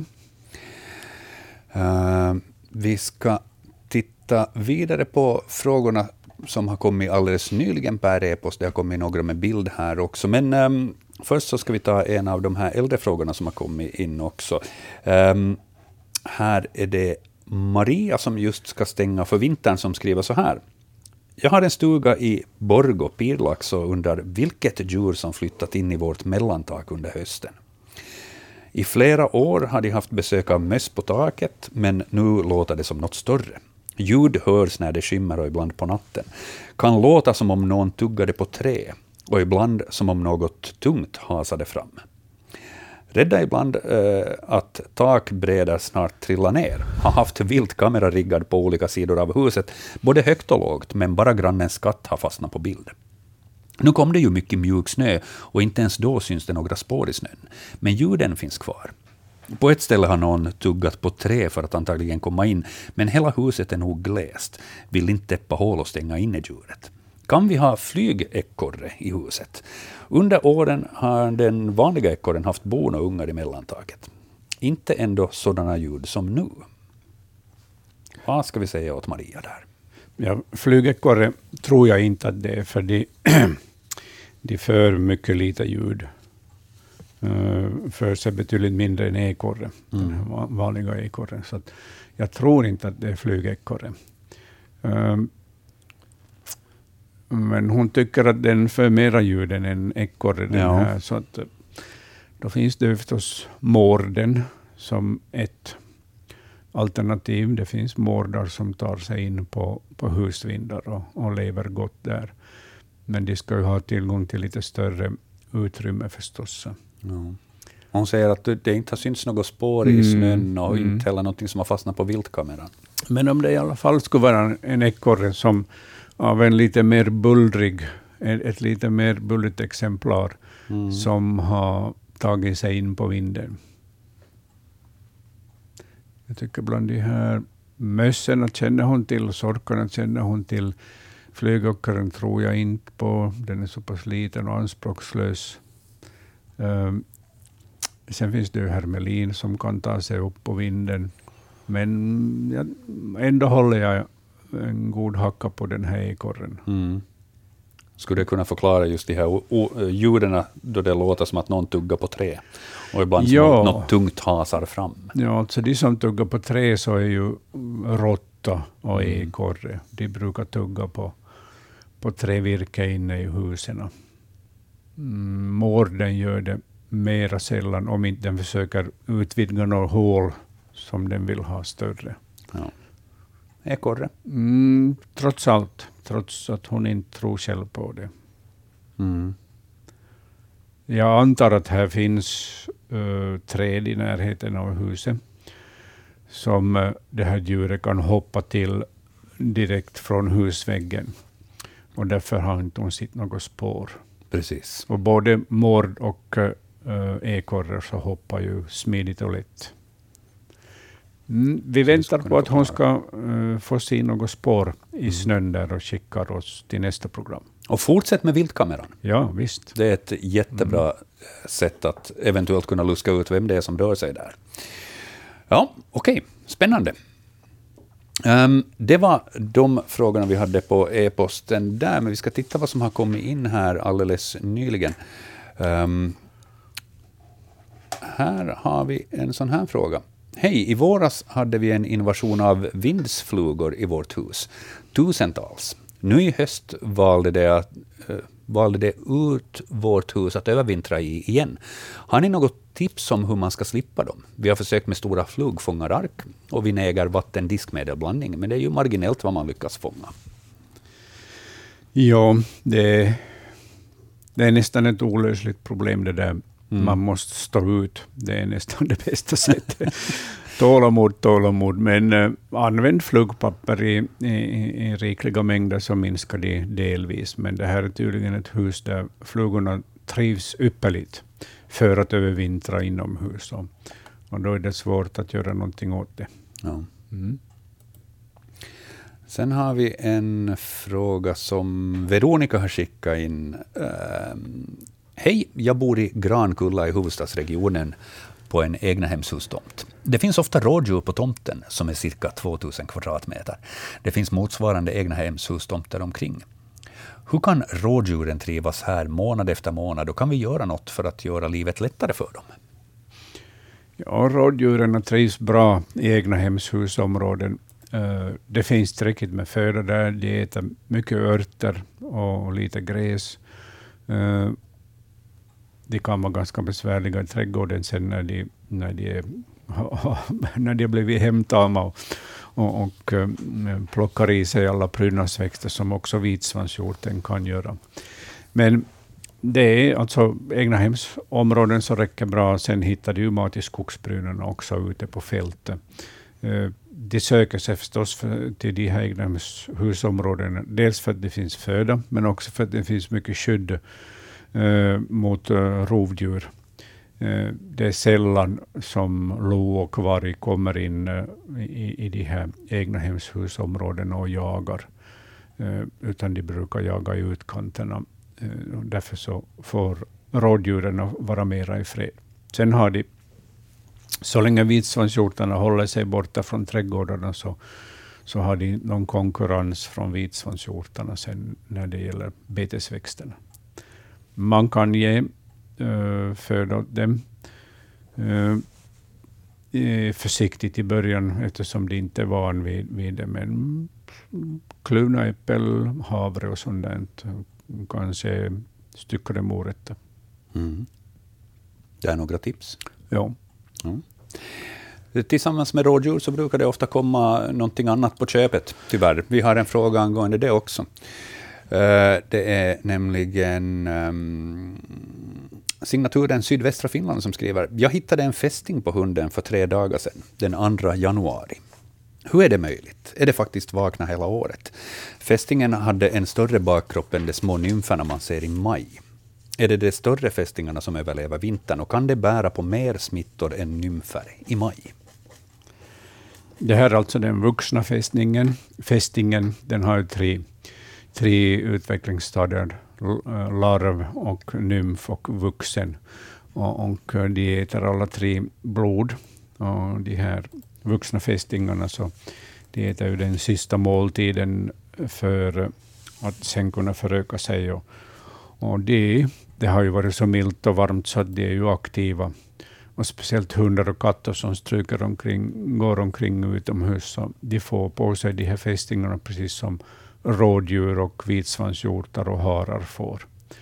Och eh, de, de här vitsvanshjortarna och rådjuren de sprider de här fästingarna effektivt, bland annat till egna hemshusområden. Så visst är de aktiva, de här fästingarna. Nu när det är minusgrader så då är de inaktiva, men, men de kan vara också under vintern när det är plusgrader. Mm. Fler frågor som vi plockar från e-posten. Har kommit in en drös här faktiskt, bara sista tiden. Um, Anna skriver, jag hade en svarthätta på besök i Kvävlax i december och har aldrig sett den tidigare. Var den bara på snabb visit eller har de börjat häcka här? Ja, de häckar. Uh, alltså hon har haft nyligen besök. Ja, det var ja. I, i, december. december ja. ja, svarthättan så hör ju till mm, de häckande eh, sångfåglarna i, i både österbottniska och eh, mer sydliga trakter. Um, så den är inte ovanlig på det sättet, men, men övervintrande eh, svarthettor så är ovanliga. Men det har visat sig nu under 2000-talet att de faktiskt enstaka exemplar har börjat övervintra i, i, i Finland, då, och framförallt i södra Finland. Då. Så det här är nog en, en sån här som, som har tänkt att nu ska jag klara av vintern här då det är så milt och, och fint. Och i december var det plusgrader här i Österbotten också, det var det. snöfritt. Och, och nu har den betydligt tuffare när vi mm. har 10-11 minusgrader. Ja. ja, sen har vi Daniel, nio år, som uh, har skickat in en fråga här också. Hej, hur länge tar det för mossa på stenar att växa? Det tar tiotals år för den här mossan att, att växa sig hög. Den växer mycket långsamt, mossan kanske en millimeter, två millimeter per år. Så det är en, en långsamt växande, eller mossor är långsamt växande arter. De tar tid på sig. Och är det De så att man ett tu tre kommer på att nej, men jag skulle vilja ha lite mossa så där som en, en liten prydnadsgrej eller någonting sånt. Mm. Är det så att jag menar, rekommendationen är ju ibland att men låt bli att plocka, men kan man mm. ta in mossa tillfälligt och sen sätta ut det tillbaks? Det kan man göra, ja, men inte från annans mark, utan det ska vara från egen mark i så fall. Mm. Annars måste man ha eh, markägarens tillstånd. Och mossan klarar sig bra inomhus, den står bara torr och, och overksam, men sen när den kommer ut i, i naturen igen och får vätska så blir den aktiv igen och börjar växa. Ja. Men svar där åt Daniel, tiotals år jo. kan vi säga, mm. för mossa att växa. Vi hade någon spår här. Ja, det hade kommit in här uh, alldeles nyss också spår av vilt. Mm. Och uh, här är det Sten som har skickat in att han fick dessa bilder av en person som vandrat på stranden vid deras sommarställe. Han undrar, är det här spår av hund? Tyvärr så mätte inte fotografen, fotografen de här spåren, men sa att de var större än hans hand. Ja. Mm. Så ganska stora eh, är de. De här bilderna har jag inte ännu satt in i bildbloggen, utan det ska jag göra genast efter mm. sändningen här. Mm. Så tyvärr kan inte vi då heller mäta steglängden och, och så här, men tre stycken bilder med dessa spår. Är det här hund eller är det någonting annat? Vad, vad säger ditt öga? Ett hunddjur är det. Det ser man på de här tassavtrycken och kloavtrycken som finns med i tassavtrycken. Ja. Uh, och uh, fotografens konstaterande att de var större än hans hand, så, så tyder ju på att det är varg som, en ensam varg som har gått här längs med iskanten. Ja. Och, och, det kan vi säga att de här spåren ser, ser någorlunda nya ut. Mm. Så på det viset så kan man också tänka sig att den här storleken på spåren är faktiskt det som han har uppskattat det till att de är större än hans hand. För att mm. gamla fotspår har ju ibland en tendens att kunna bli större ifall de, de smälter runt de omkring. De smälter utåt när de smälter, men jag tycker inte att de här har smultit Nej. utåt, utan de är faktiskt något har, har, har mildvädret påverkat dem. Men, men nu skulle jag säga att det högst troliga är att det är en ensam varg som har vandrat här. Mm. Man bruk, brukar inte man ibland kunna på just eh, vargspår se att det bildas liksom ett klart, på något vis ett kryss, ett X, eh, så här mellan trampdynorna? Att det ibland ja, är det, det som, som skiljer mellan det varierar, ja. varierar nog, men att, eh, jag tycker den här fotografens konstaterande av tass-storleken så utesluter. Mm. Det finns visserligen enstaka hundras som, som har lika stora tassavtryck, men jag tror inte att det är en hund som har gått här. I så fall skulle någon, borde någon människa ha gått bredvid. Ja. Så högst troligt en varg. Högst troligt. Här, I det här fallet så, så är det ett väldigt, väldigt tunt uh, snötäcke. Mm, mm. Uh, så de här tassavtrycken så har liksom tagit sig ner till, till sanden under. Ja, till isen. Ja, till isen. Och det är på det viset intressant nu när det är så att säga spårsnö, ja. så lägger man märke till sådana spår på ett helt annat sätt. Visst, ja, och det här är ju typiskt för, för varg och framförallt rev att vandra längs de här uh, iskanterna, längs de här isbelagda stränderna. De tycks uh, lockas till sådana här, såna här vattendrag där det fryser till. Ja. Uh, vi har fått in fler uh, e-post här med uh, bild. Christer har skickat in en bild på en spindel som han har hittat. Jag vet inte, ser du den där Hans nu på e-posten? Mm. ska vi se. För han har fotograferat en eh, ordentligt eh, stor spindel, upplever jag, som han har hittat levande i garaget. Som av bilden framgår så är den nästan 9 centimeter lång. Och eh, han misstänker att den har kommit in i garaget tillsammans med ved som har förvarats en längre tid utomhus. Och det här är den största spindel som han har sett med egna ögon. Han knuffade ut den snällt från garaget och lät den leva vidare. Men vad kan vi säga att det här är för en spindel? Utgående från, från, från storleken, jag menar 9 centimeter, då, då räknar vi alltså benen och det är inte kroppen som är 9 centimeter lång. Eh, brun, mörkbrun till färgen, väldigt långa, ganska kraftiga ben. Är det här, talar vi här om kärrspindel eller? Jag tycker det närmast liknar en kärrspindel. Den är ju stor. Mm. Kärrspindeln är stor. Mm, men vänta nu, han har ett måttband i bakgrunden. Ja. Så då kan man lite få en uppskattning åtminstone av hur stor den där kroppen är. Den är ett par centimeter drygt är väl själva kroppen, men ifall man då mm. räknar benen så då kommer man upp till en nio centimeter. Ja, en par centimeter passar bra på, på, på kärrspindeln. Mm, men den ska ha gulvita ränder på sig med rätta, men man ser den kanske inte riktigt tydligt. Jag kommer inte på någon annan som skulle passa in just nu mm. på den än, kärrspindeln. Skulle det låta då troligt att den har kommit in tillsammans med, med gammal ved som har förvarats utomhus? Ja, ja, det kan ju eh, övervintra på lite olika ställen, sådana här spindlar. Mm. Och i vedhögar Eh, vedtravar så finns det ju en hel del övervintrande spindlar och insekter som kommer in med veden. Ja.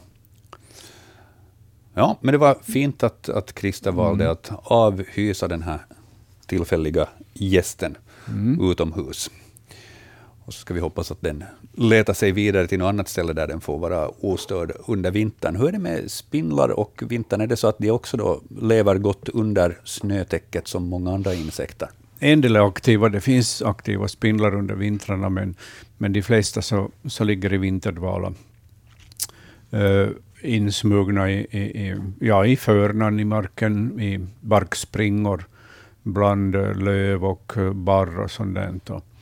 Och det finns eh, många som äh, blir äh, mat åt våra skogsmesar. Mm. Mesarna plockar ju åt sig en hel del av de här, de här övervintrande spindlarna när de strövar omkring genom skogarna. Och, och, så de är en viktig föda för, för de övervintrande skogsmesarna, de här spindlarna. Det finns otroligt mycket spindlar på hösten. Ja. Så, och de går ju förstås alla i, nästan alla i vinterdvala. Och, och småfåglarna plockar förstås åt sig av de här övervintrande spindlarna. Mm. Trädkryparen plockar ju med sin pincett, smala näbbe, eh, spindlar och insekter ur barkspringor. Den är ju specialist på det. Precis.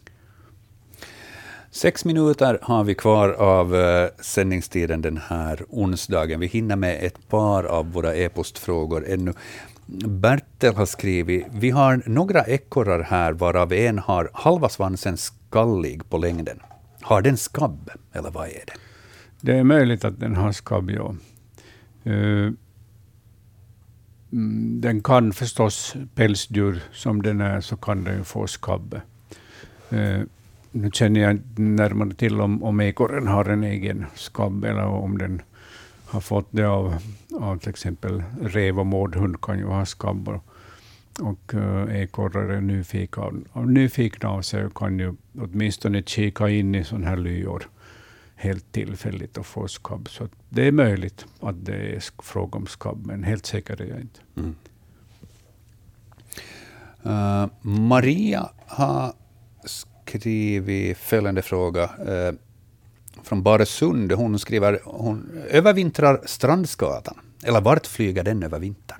Våra strandskator så övervintrar inte hos oss, utan de flyger nog söderut. Och, och eh, viktiga, ett viktigt övervintringsområde är ju Nordsjöstränderna, eh, Danmarks kuster, Nederländerna, Belgien, England.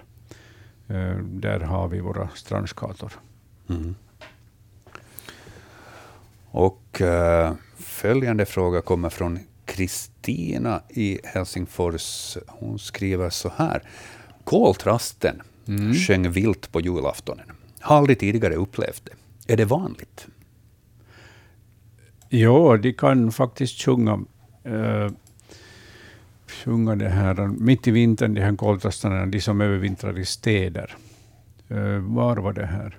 Uh, Helsingfors. Helsingfors, ja. Det är typiskt för, för Helsingfors att, att uh, de, de kan uh, sjunga um, mitt i vintern. Det, här, det är ju varmare än staden. Dessutom har ju staden varit, är ju staden överlag varmare än landsbygden. Så mm, det är inte ovanligt. inte. Mm. Sen har vi Kurt som har skickat in en bild här under rubriken Två korvar. Den kom in här riktigt nyligen. Och han undrar ifall vi kan förklara det här fenomenet. Det var två, som han kallar korvar, på verandaräcket. Eh, och på den ena petade han lite och eh, den innehöll en massa spindlar. Mm. Ja, det är väl ett, på det viset ett fenomen som vi kan förklara. Ja, det här är ju alltså äggkokonger där spindelungarna har kläckts fram och, och kanske en korsspindel som har, det, jag tror det är korsspindelungar som, som svärmar ut förstås från den här, det här nätskyddet, kokongskyddet, när de har blivit störda. Mm. Så ingenting på det viset ovanligt eller konstigt på det viset med det fenomenet? Nej, det brukar, men det är ju intressant att se. Mm. Det är ju hundratals små spindelungar. Ja. Ja, jag fastnade här för en, två fina bilder som, som Isak Frans har skickat in på en ihålig gran som ja. blåst omkull i höstas. Den han, hinner vi ännu behandla. Ja, han undrar vad det är för slags larver som har ätit ur, dem, ur den här granen. Och det här är hästmyrans uh, bogångar. Hästmyrorna lever gärna i sådana här mörknande granar. Och, och sen bildas det ett stort samhälle inne i den här. Och de just tuggar ut en massa sådana här gångar i sådana här rötangripna granar. Så, så det är hästmyran som har varit framme. De här bilderna som vi nyligen har behandlat, både det här om de här spindelkokongerna och, eh, och hästmyrans eh, gångar här i, trävirket, så de kommer jag att ladda upp på Naturveckornas ja. bildblogg här genast efter sändningen. Så får ni också titta på dem. För intressanta bilder, de här gångarna. Jo, det är vältagna bilder som man ser den här konstruktionen, speciellt på den här liggande stamdelen, där man ser mera att det, du blir ju rötangripna nerifrån de här granarna. Och, och, och sen så eh, börjar myrorna då tugga in sig i det här rötangripna eh, området, eftersom det är lättare att bearbeta det. Ja. Det här, de utnyttjar verkligen effektivt den här ihåliga granen. Ja. Det här trädet hade blåst omkull i höstas, så det är ju mm. inte så konstigt med tanke på hur urätet det var på något vis. Jo, nej, de försvagas ju betydligt på grund av det här. Ja. Det där var egentligen de frågorna vi hinner med i januari månads upplaga av Naturväktarna. Vi är tillbaka igen om en månad, närmare bestämt 3 februari, då vi då sänder första onsdagen varje månad nu under vinterhalvåret. Hör av er på natursnabelayle.fi eller skicka vanlig post på Naturväktarna, Ylevega, postbox 12 00024 YLE, så hörs vi igen i början av februari. Jag får säga stort tack till dig, Hans Hästbacka, och eh, ha en riktigt god fortsättning på det nya året och njut av trettondagen och ledigheten för ni som är lediga.